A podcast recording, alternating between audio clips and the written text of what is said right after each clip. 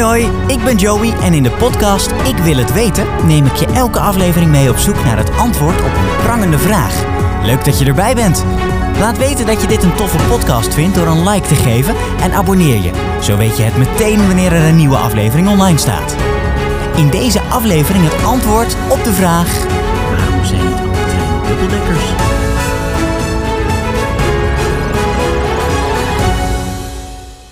In deze aflevering van de serie Ik wil het weten gaan we per spoor. Onlangs was het weer raak. Een overvolle trein. Veel mensen moesten staan. De zitplaatsen waren zo goed als volledig bezet. Ik voel je frustratie als jij een van die staande reizigers bent. Gelukkig kon ik zelf deze keer zitten. In de auto vind ik het best een uitdaging met je laptop op het stuur een podcastaflevering uitwerken. Dus daarom pak ik graag de trein. De reistijd is dan vaak wel wat langer omdat je aan het spoor vastzit, maar je kunt je tijd effectief benutten door aan het werk te gaan. Zelf moet ik natuurlijk ook wel eens staan. Meestal precies op het moment dat mijn drukke agenda al extra efficiënt is ingedeeld en ik de werktijd in de trein goed kan gebruiken. Staand op je laptop typen is alsof je een accordeon bespeelt tot je scherm de verkeerde kant op buigt. De conducteur roept om. Excuses voor de drukte, we gaan het doorgeven. Maar wat gebeurt er dan met zo'n melding? Wordt deze trein de eerstvolgende rit tweemaal zo lang gemaakt? Of krijgen we een dubbeldekker in plaats van een enkeldeksstreinstel? Laten we op onderzoek uitgaan. In 2018 publiceren verschillende media, waaronder het nieuwsplatform van rechtspraak.nl, een artikel waarin een uitspraak van rechtbank Midden-Nederland wordt besproken. De rechtbank doet uitspraak over het recht op een zitplek in de trein. Luister. De NS hoeft een man uit Utrecht geen vergoeding te betalen omdat hij geen zitplaats had. De man spande een procedure aan tegen de NS omdat hij van mening is dat reizigers met een geldig vervoersbewijs in beginsel recht hebben op een gegarandeerde zitplaats. De rechtbank overweegt dat reizigers in het OV recht hebben om vervoerd te worden.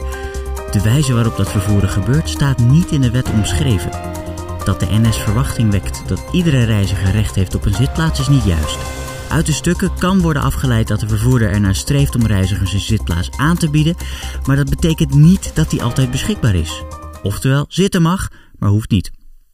In 2021 publiceert NS een artikel met de titel Iedereen een zitplaats, maar wel vaker naast elkaar zitten. Dat was een artikel waarin NS ingaat op het uit de lockdown komen. En volgens eigen zeggen plant NS de dienstregeling zo dat de reiziger in 99% van de gevallen een zitplaats kan nemen. Nog even wat cijfers. Als ik alleen al naar de treinen van NS kijk, regionale vervoerders en speciale treinen laten we even buiten beschouwing, heeft de NS sprinters en intercities. Van de sprinters hebben ze er totaal zo'n 400. En dan heb je de intercities. Dat zijn grofweg vijf verschillende soorten met ongeveer 500 intercities. En dan hebben we het over intercity materieel, de intercity nieuwe generatie, intercity rijtuig, de firm, de DDZ. Allemaal hele mooie termen. Waar komt dat op neer? Een sprinter heeft ergens tussen de 150 en 300 plekken. Een intercity enkeldeks 200 tot 400 en een dubbeldekker 300 tot 600. Als je alles omzet van een enkeldeks naar een dubbeldeks, snelle rekensom, levert het je ongeveer 150.000 extra zitplaatsen op. NS vertelde een aantal jaren geleden dat ze zo'n 200.000 zitplaatsen hebben, dus van enkel naar dubbel is serieus ongeveer een verdubbeling. Waarom zijn eigenlijk niet alle treinen dubbeldekkers? Dan heb je toch altijd veel meer zitplaatsen? En met die vraag kwam ik terecht in het hoofdkantoor van de Nederlandse Spoorwegen, NS, in Utrecht. Uh, ik ben uh, Brigitte Matheusen. Uh, ik ben lead-architect bij Asset Strategie.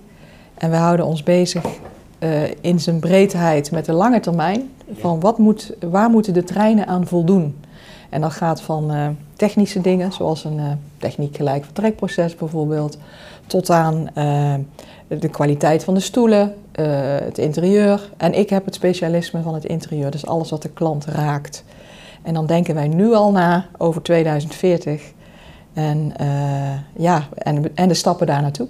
Nou ja, uh, het NS-huis. Um, ruim 31 jaar bij dit bedrijf en ik ben eigenlijk hierbij begonnen om ook de vraag te stellen van, goh, hoe werkt dat nou eigenlijk bij, bij de spoor?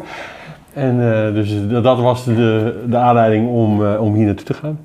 Um, maar ik zit um, bij netwerkontwikkeling, ontwikkelspecificatie en ik ben product market manager daar hou me bezig met de korte termijn. En dat is in het hier en nu en tot over twee jaar. Ehm, daarbij hou ik me voornamelijk bezig met de ontwikkeling van de dienstregeling. Dus hoe onze treinen eigenlijk buiten rijden, dat komt van onze hand. Dus die bedenken wij, dus hoe laat staat de eerste trein waarop en tot waar rijdt die enzovoort.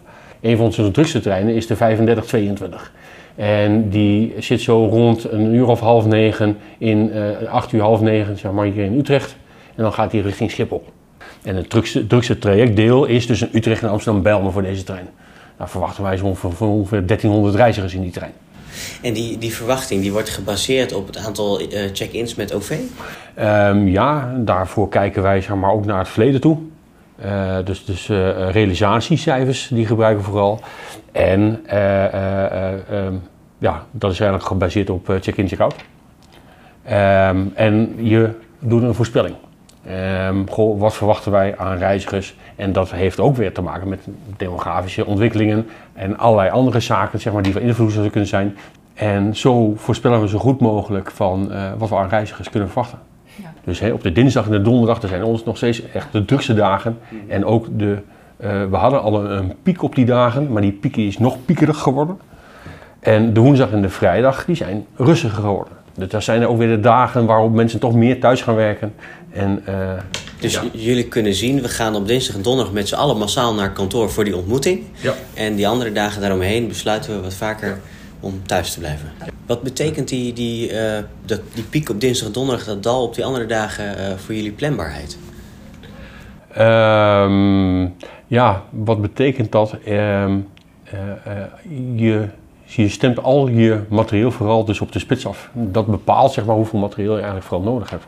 En door die verpikking daarin um, is dat wel best wel lastig. Want uh, ja, je concentreert je al je materieel daarop en dan het buiten eromheen.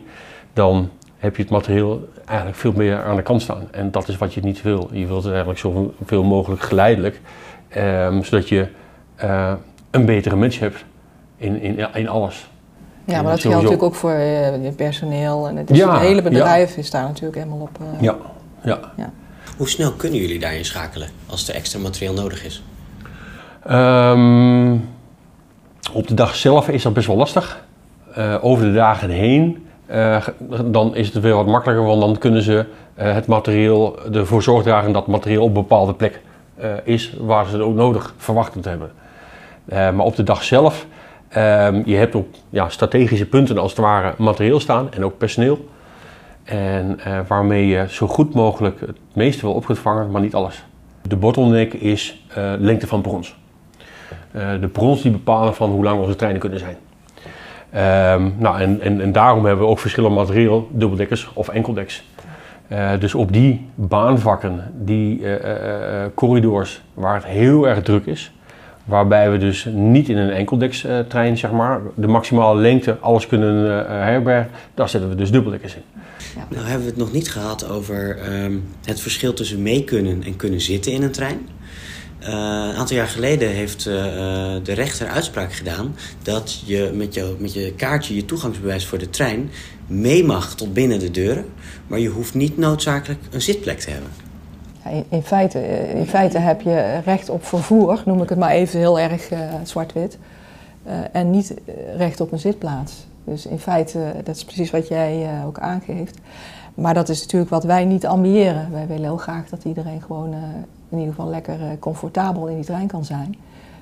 Maar als je dat weer afzet zeg maar, in de aantallen reizigers, hè, als je kijkt dus naar de spits, om dan bijvoorbeeld te zeggen van we willen iedereen een zitplaats aanbieden dan heb je echt enorme lange treinen nodig. En dat, dat, dat lukt gewoon niet. Dat hebben we niet. Nee, daar is het, het Nederlandse spoor niet op gebouwd. Het Nederlandse spoor is daar absoluut niet op gebouwd. Zoals ik al zei, die eerste trein, die 3522, daar zetten we de dubbeldekker 12 in.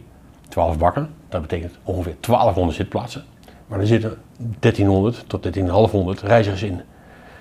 Ja, wij kunnen niet een, een treinstel of, of, of, een bak er nog bij aanplakken, want dat is de infrastructuur die het gewoon tegenhoudt. Dus eigenlijk zeggen jullie, het kan nog steeds voorkomen dat je staat, maar we proberen die kans zo klein mogelijk Zeker, te maken. op allerlei invalshoeken proberen wij daar echt uh, op te sturen. Uh, bijvoorbeeld uh, een nieuwe trein die we gaan kopen. Hè. We zijn pas bezig geweest met een nieuwe enkeldeks dubbeldeks trein bijvoorbeeld.